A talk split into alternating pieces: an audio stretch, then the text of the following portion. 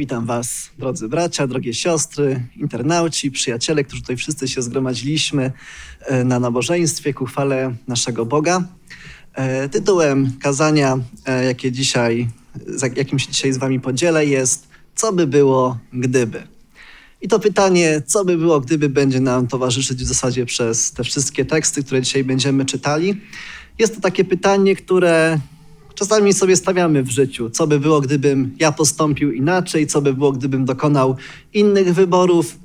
Też często jest to pytanie, które jest wprowadzeniem do wielu różnych ciekawych analiz odnośnie wydarzeń historycznych.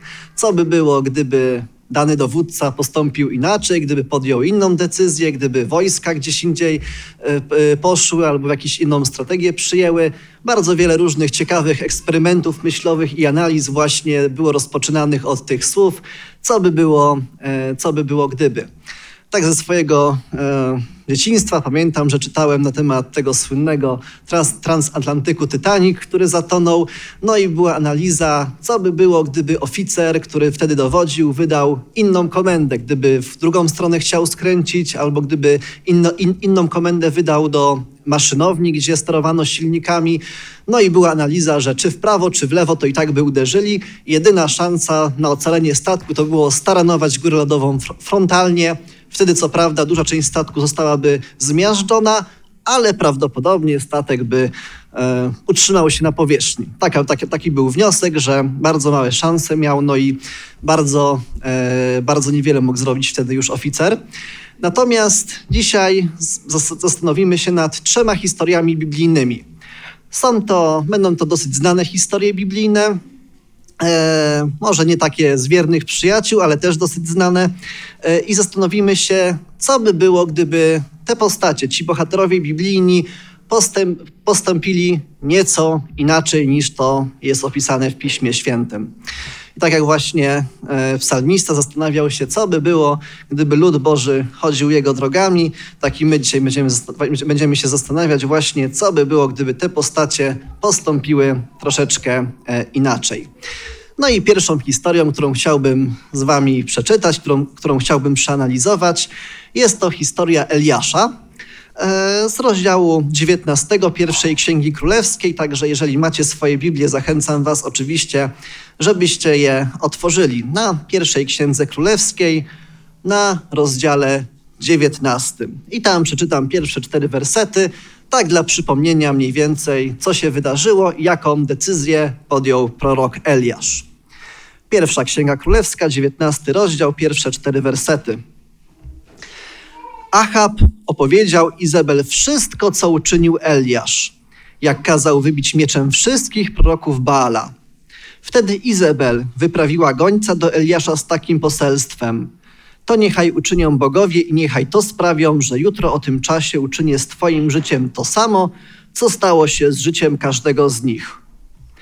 Eliasz zląkł się więc i ruszył w drogę, aby ocalić swoje życie i przyszedł do Beryszeby, która należy do Judy i tam y, pozostawił swojego sługę.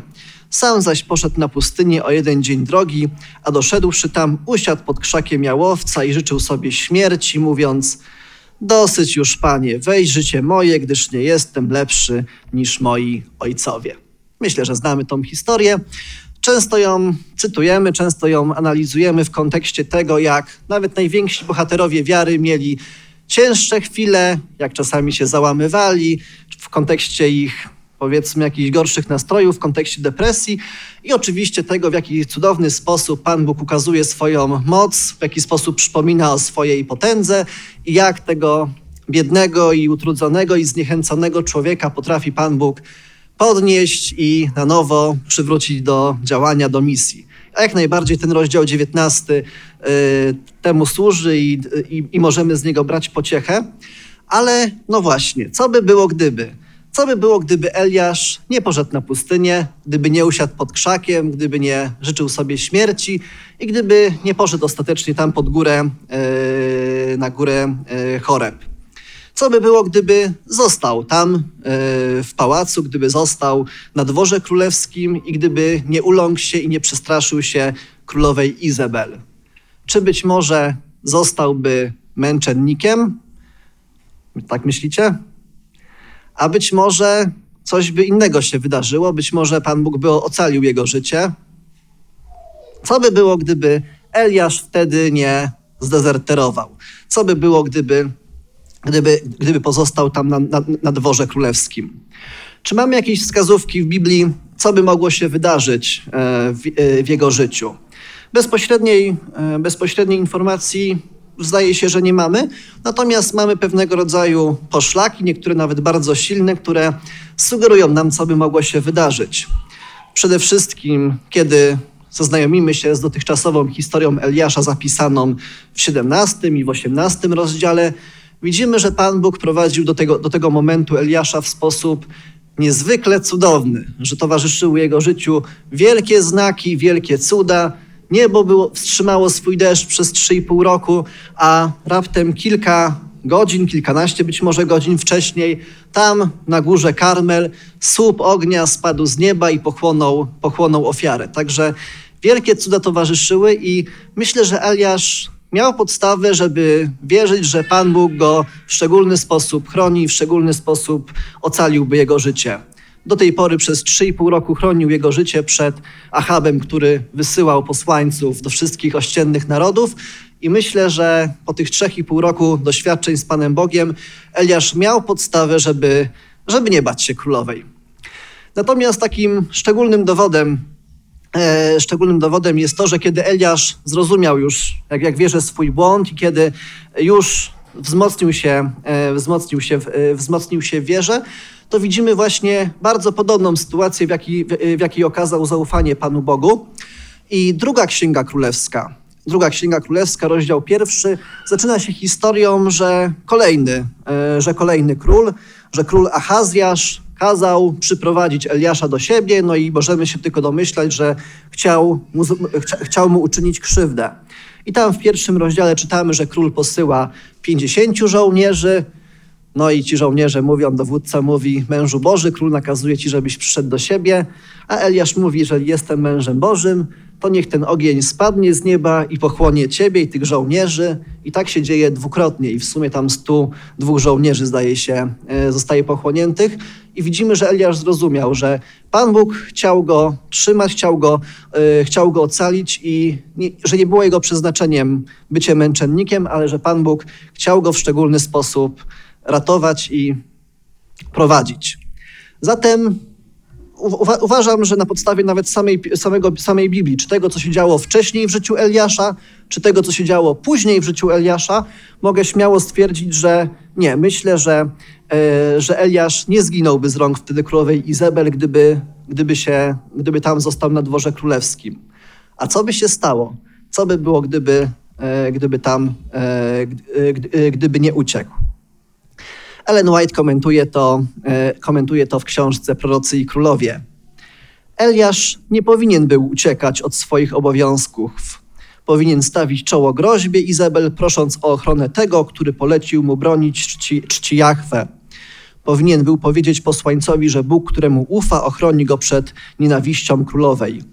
Zaledwie kilka godzin minęło od chwili, gdy widział wspaniałe objawienie mocy pańskiej, a to powinno dać mu pewność, że i tym razem Bóg go nie opuści. Gdyby pozostał na miejscu, czyniąc, e, czyniąc Pana swoją ucieczką i siłą, stojąc mocno po stronie prawdy, wówczas byłby chroniony tak, iż nie doznałby żadnej krzywdy. Bóg dałby mu wielkie kolejne zwycięstwo, wymierzając karę Izabel.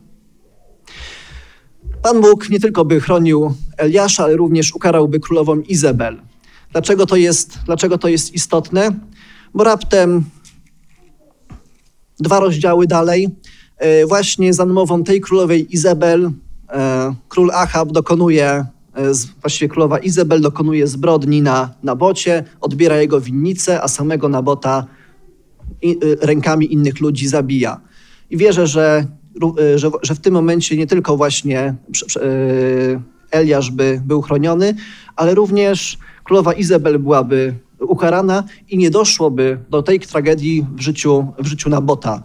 Poza tym śmierć w tym momencie królowej Izabel na pewno by otworzyła drogę do szybszej, do pełniejszej reformy y, w Izraelu. Także ta reforma i to wypędzanie obcego kultu mogłoby być dużo szybsze. Ale tak Eliasz uległ pewnym swoim słabościom, zawahał się, uciekł.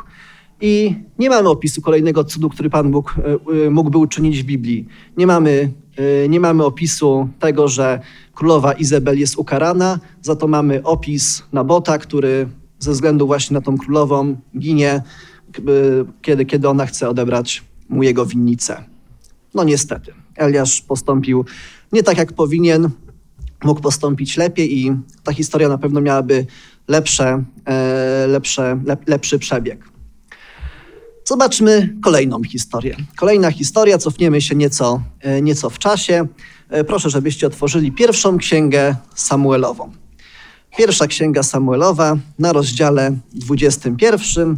E, cofniemy się do historii Dawida. Wtedy jeszcze nie króla Dawida, ale po prostu Dawida.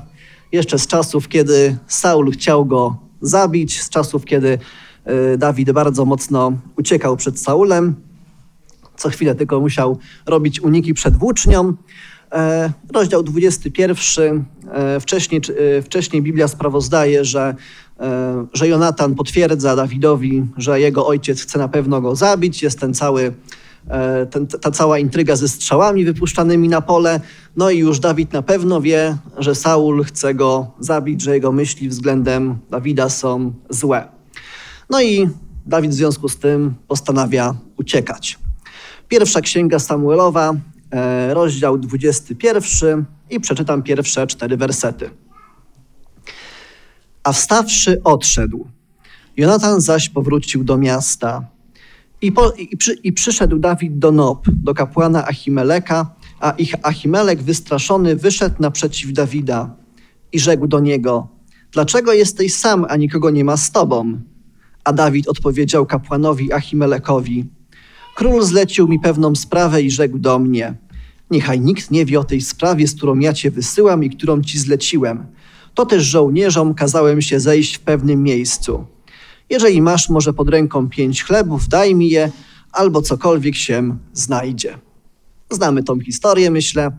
E, Dawid udaje się do świątyni, otrzymuje chleby pokładne, otrzymuje również miecz Filistyńczyka e, Goliata. Później ta historia jest cytowana przez Jezusa, kiedy uczniowie idą w zbożu, e, zrywają kłosy w sabat, e, jedzą je, no i wtedy Jezus się powołuje na tą historię, że Dawid również jadł te chleby poświęcone e, w świątyni, który, których nie powinien nikt spożywać poza kapłanami. Jest to oczywiście bardzo ciekawa historia i bardzo ciekawy dylemat, dlaczego Dawid spożył te chleby. Widzimy, że Jezus nie ma mu tego za złe. Polecam, żebyście sobie osobiście już przestudiowali i zastanowili się nad tą historią. E, tej historii właśnie używamy czasami, żeby pewien balans pomiędzy takim formalizmem a takim, e, taką ludzką życzliwością e, zachować. Natomiast nie na ten temat chciałbym tutaj, nie na to chciałbym zwrócić uwagę.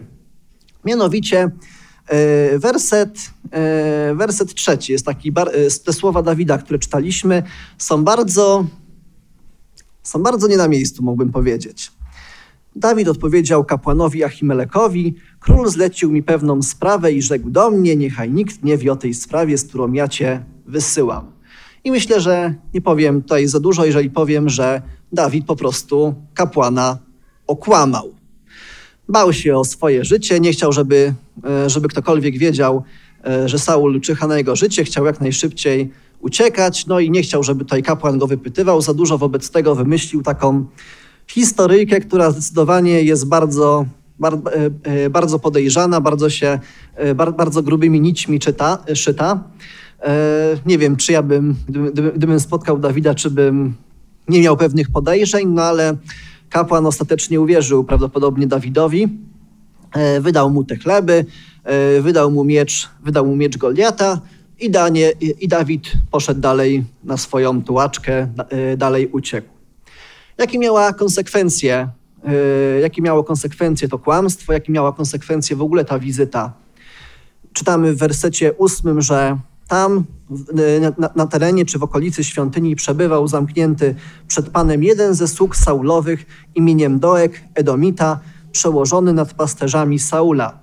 Z kolei w 22 rozdziale czytamy o tym, że właśnie ten Doeg Edomita kiedy Saul zastanawiał się, kto z jego sług sprzyja Dawidowi, to powiedział: Tak, widziałem, jak ten kapłan dał Dawidowi, zaopatrzył go w miecz, jak zaopatrzył go w żywność. No i wtedy y, ostatecznie Saul zlecił wymordować wszystkich, wszystkich kapłanów stamtąd. W rozdziale 22, jeżeli przewrócicie, przewrócicie jedną stronę, rozdział 22, werset 22 również, e, kiedy, jeden, tylko, tylko, kiedy, kiedy jedyny kapłan e, Ebiatar ucieka, e, tak mówi do niego Dawid. Wtedy rzekł Dawid do Ebiatara, wiedziałem już w owym dniu, że Edomita, który tam był, doniesie o tym Saulowi. Ja spowodowałem śmierć wszystkich z rodziny twojego ojca. I widzimy, że Dawid czuje się winny, czuje się winny tego, co, e, co zaszło, czuje się winny tej śmierci. No i właśnie, czy można było tego uniknąć? Czy można było uniknąć, że Saul w swoim szaleństwie doprowadzi i, i, i, i każe wydać kapłanów e, na śmierć? Czy Dawid mógł postąpić inaczej? Czy Dawid mógł coś zmienić w przebiegu tej historii? Co by było, może zastanowimy się, co by było, gdyby Dawid nie skłamał? Czy Panu Bogu podobało się to takie z pozoru niewinne i w dobrej sprawie kłamstwo? Czy, y, czy, to, że, czy, czy to, gdyby Dawid postanowił być prawdomówny do samego końca, zmieniłoby y, coś w tej sytuacji? Pozwolę sobie, y, pozwolę sobie przeczytać komentarz, tym razem z książki Patriarchowie i Prorocy. Dawid okazał w ten sposób brak wiary w Boga, a jego grzech doprowadził do śmierci najwyższego kapłana. Gdyby, gdyby fakty zostały wyraźnie przedstawione, Achimelek wiedziałby, jak postępować, by zachować swe życie. Bóg wymaga, aby jego lud cechowała prawno, prawdomówność nawet w największym niebezpieczeństwie. I ponownie, gdyby postać którą, o której czytamy w Biblii, postąpiła nieco inaczej, gdyby za, okazała większe zaufanie Panu, e, do, e, do, Pana Boga, gdyby nie poszła na taki malutki kompromisik, historia postąpiła, e, przebiegłaby inaczej i kapłani ocaliliby swoje życie. Natomiast przejdźmy już do trzeciej historii. Będzie to historia z Mojżeszem w roli głównej. E, zapraszam Was, żebyście otworzyli e, czwartą księgę Mojżeszową, księgę liczb e, na rozdziale 20. Tam również mamy historię, którą myślę, że dobrze znamy, która, którą czasami nawet przywołujemy. Nawet ja chyba kiedyś miałem okazję na, na, jej podstawie mówić pewne, pewne kazanie na obozie harcerskim, na obozie suchowym właściwie. E, tam w czwartej księdze Mojżeszowej, w rozdziale 20, mamy o tym, kiedy Mojżesz i Aaron ponownie mają wydobyć wodę, powiedzmy, mają wydobyć. Mają, tak, jest, jest, jest potrzeba wody dla Izraela i Pan Bóg daje im e, jasne, jasne wskazówki. Będę czytał czwartą Mojżeszową, rozdział 20, od wersetu 7. I przemówił Pan do Mojżesza tymi słowy: Weź laskę i zgromadź zbór, ty i Aaron, twój brat. Przemówcie na ich oczach do skały, a ona wypuści z siebie wodę. Wydobędziesz dla nich wodę ze skały i napoisz zbór i ich bydło. Mojżesz wziął laskę sprzed oblicza Pana, jak mu Pan rozkazał, zgromadził wtedy Mojżesz i Aaron zbór przed skałą i rzekł do nich, słuchajcie przekorni, czy z tej skały wydobędziemy dla was wodę? I podniósł Mojżesz rękę swoją i uderzył dwa razy swoją laską o skałę Wtedy trysnęła obficie woda i napił się zbór oraz ich, y, oraz ich bydło. I rzekł Pan do Mojżesza i do Arona, ponieważ mi nie zaufaliście, aby mnie uwielbić na oczach synów izraelskich, dlatego nie wprowadzicie tego zgromadzenia do ziemi, którą im daję. No i właśnie, jest to dosyć powszechnie znanym faktem, że Mojżesz ze względu na ten właśnie jeden grzech nie wprowadził Izraelitów do, e, do Kanaanu, zrobił to Jozue. E, później w Księdze Powtórzonego Prawa czytamy tą bardzo wzruszającą modlitwę Mojżesza, kiedy Mojżesz bardzo błaga Pana Boga. Panie Boże, daj mi wejść do tego Kanaanu. Pan Bóg e, nie zgadza się na to i taka, taka, taka smutna jest ta modlitwa. No i właśnie tą modlitwę czasami podajemy jako przykład takiej modlitwy, gdzie Pan Bóg mówi nie, bo ma coś lepszego dla nas w zanadrzu, czyli że Pan Bóg powiedział Mojżeszowi: Nie, nie, nie, nie, nie wejdziesz do tego, niebie, do tego ziemskiego Kanaanu, no ale wiemy, że Pan Bóg zaraz, kilka dni później, e, tego Mojżesza już zabrał do niebiańskiego Kanaanu, czyli go z martwych wzbudził. No i możemy powiedzieć, że historia zakończyła się bardzo dobrze, bo Mojżesz znalazł się, e, znalazł się szybko w niebie. Ale czy taki był Boży plan od początku i czy ta, tak, taki miał być scenariusz życia Mojżesza? Co by było, gdyby Mojżesz usłuchał Pana Boga, gdyby w tamtym momencie nie uniósł się dumą, gdyby posłuchał, e, gdyby posłuchał e, przykazania i gdyby zamiast uderzać w tą skałę, tylko do niej przemówił, tak jak Pan Bóg mu nakazał. Cóż, Pan Bóg bardzo, jasny, bardzo w jasny sposób podaje, że właśnie ten grzech, to przestępstwo było powodem niewejścia, przez, y, niewejścia do Kananu, tego, że Mojżesz umarł zanim wszedł do Kananu. Czy zatem Mojżesz wszedłby do Kananu? Prosta logika wskazuje, że tak, że skoro przez ten grzech nie wszedł, to gdyby tego grzechu nie było, to Mojżesz wszedłby do Kananu. Z drugiej strony możemy się zastanawiać, skoro nawet mimo tego jednego grzechu Pan Bóg tak do, taką wspaniałą rzecz zrobił dla Mojżesza, że już go z martwych zbudził, że już go wziął do nieba, to czy gdyby Mojżesz był jeszcze lepszy, gdyby wtedy nie zgrzeszył, to czy Pan Bóg by mu poskąpił tego, tego elementu właśnie e, tej, tej, tej nagrody, żeby już był z nim szybciej, żeby nie czekał na powszechne zmartwychwstanie? Też wydaje się to być nielogiczne. Wydaje się, że Pan Bóg tej nagrody też by mu nie poskąpił. I faktycznie w książce e, Patriarchowie i Prorocy czytamy, że i jedno, i drugie byłoby udziałem Mojżesza, ale w sposób jeszcze lepszy niż wynika to, e, w sposób jeszcze lepszy niż jest to opisane e, w Biblii. Czytamy w ten sposób. Gdyby, gdyby życie Mojżesza nie zostało splemione tym jednym grzechem w Kadesz, gdzie nie oddał chwały Bogu przy wydobyciu wody, wody ze skały, mógłby wejść do ziemi obiecanej i byłby przeniesiony do nieba, nie zaznawszy śmierci. Tak jak, prawdopodobnie tak jak Eliasz. Nie tylko by wszedł do Kanaanu, nie tylko miałby tą radość z tego, że ci, którym służył przez te długie 40 lat, odziedziczyli ziemię, ale również Pan Bóg by go żywcem porwał do nieba. Gdyby tylko zachował, zachował się tak, jak należy, gdyby tylko zachował wiarę w tamtym momencie i nie, nie uniósł się pychą, nie uniósł się dumą, gdyby, yy, gdyby, gdyby zachował wiarę aż do końca. Na początku, yy, na początku tutaj Dawid przeczytał tekst z, z psalmu 81, yy, gdzie właśnie psalmista również zastanawia się, co by było, gdyby. Psalm 81, 14 jest takim wołaniem psalmisty: O gdyby usłuchał mnie lud mój, o gdyby Izrael chodził drogami moimi. Co by było, gdyby Izrael usłuchał, e, gdyby usłuchał swojego Boga? Co gdyby chodził moimi drogami? I dalej, dalej czytamy odpowiedź. Wnet poskromi, poskromiłbym nieprzyjaciół ich i zwróciłbym rękę przeciwko ich wrogom. Ci, co nienawidzą Pana, sklebialiby mu, a czas ich trwałby wiecznie. Karmiłbym go najwyborniejszą pszenicą i syciłbym go miodem ze skały.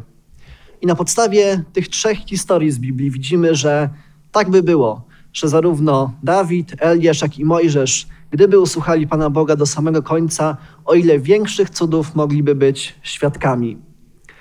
Na koniec chciałbym Was zachęcić, żebyście zastanowili się jeszcze nad czwartą historią nad historią każdego z Was, nad historią żyć, ka, e, życia każdego z nas, co by było, gdyby. Co by było, gdybyśmy postępowali lepiej? Co by było, gdybyśmy zachowywali wiarę i posłuszeństwo Bogu w każdym momencie naszego życia? Być może jesteśmy czasami tak jak Mojżesz albo tak jak e, Dawid, że idziemy na pewien mały kompromis z grzechem, że nieco, nieco przystępuje, przystępujemy Boże przykazania, być może 10 minut za późno w piątek, już po zachodzie wychodzę z pracy. Być może pozwalam moim myślom, aby, dociera, aby te myśli krążyły wokół kobiety, mężczyzny, która nie jest moim mężem, e, który nie jest moim mężem, która nie jest moją żoną. Być może kiedy nikt nie widzi, oczywiście z, z umiarem, ale pozwalam sobie wypić nieco alkoholu. Być może każde inne przykazanie, nieco czasami zdarza mi się złamać. Kto wie, co, y, co by mogło się dziać w moim życiu? Jakich cudów, Pan by mógł, y, jakich cudów mógłbym doświadczyć? Jaką wspaniałą drogą Pan, by, Pan Bóg mógłby mnie poprowadzić? Jakich wielki, jak, jakie wielkie doświadczenia byłyby moim udziałem? Albo o ile mniej byłoby tragedii, o ile mniej byłoby zła i o ile to życie na tej, nawet na tej ziemi byłoby, byłoby lepsze. A być może bardziej identyfikujecie się z życiem, być może bardziej waszym doświadczeniem jest życie Eliasza, który w pewien sposób uciekł przed swoim powołaniem. I być może czasami, kiedy przychodzą, przychodzi czas wyborów zborowych, myślicie sobie, nie, niech ktoś inny, niech ktoś inny będzie, e, zajmie się diakonatem, niech ktoś inny zajmie się szkołą sobotnią, niech ktoś inny, tylko nie ja. Być może, kiedy przychodzi czas ewangelizacji zborowej, myślicie, tym razem zostanę w domu. Być może, gdy, gdy słyszycie jakąś rozmowę, kiedy wasi sąsiedzi rozmawiają o Panu Bogu, myślicie, niech sobie rozmawiają, ja się nie będę wtrącał.